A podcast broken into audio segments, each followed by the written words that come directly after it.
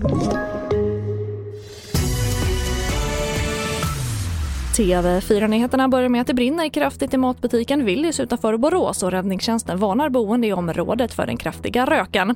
Larmet kom vid 11-tiden igår kväll och för närvarande brinner det på lagret och i taket men spridningsrisken bedöms vara under kontroll. Polisen misstänker att eldsvådan kan vara anlagd och utreder den som mordbrand.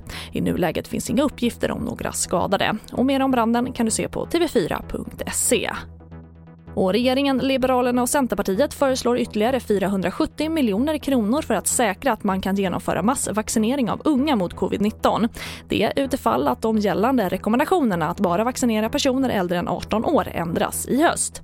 Det rapporterar Ekot. Under sommaren väntas ett vaccin bli godkänt för barn över 12 år i EU. Därmed inte sagt att rekommendationerna ändras. Och vi avslutar med att bara 15 personer blev smittade av covid-19 i ett experiment där en publik på sammanlagt 60 000 personer samlades på nio olika evenemang i Storbritannien, det skriver Sky News. Alla som deltog var tvungna att visa upp ett negativt covid-test från samma dag eller dagen före. Experimentet iscensattes som en del av regeringens planer på att tillåta större publik på evenemang i sommar. Och det får avsluta TV4-nyheterna. Jag heter Charlotte Hemgren.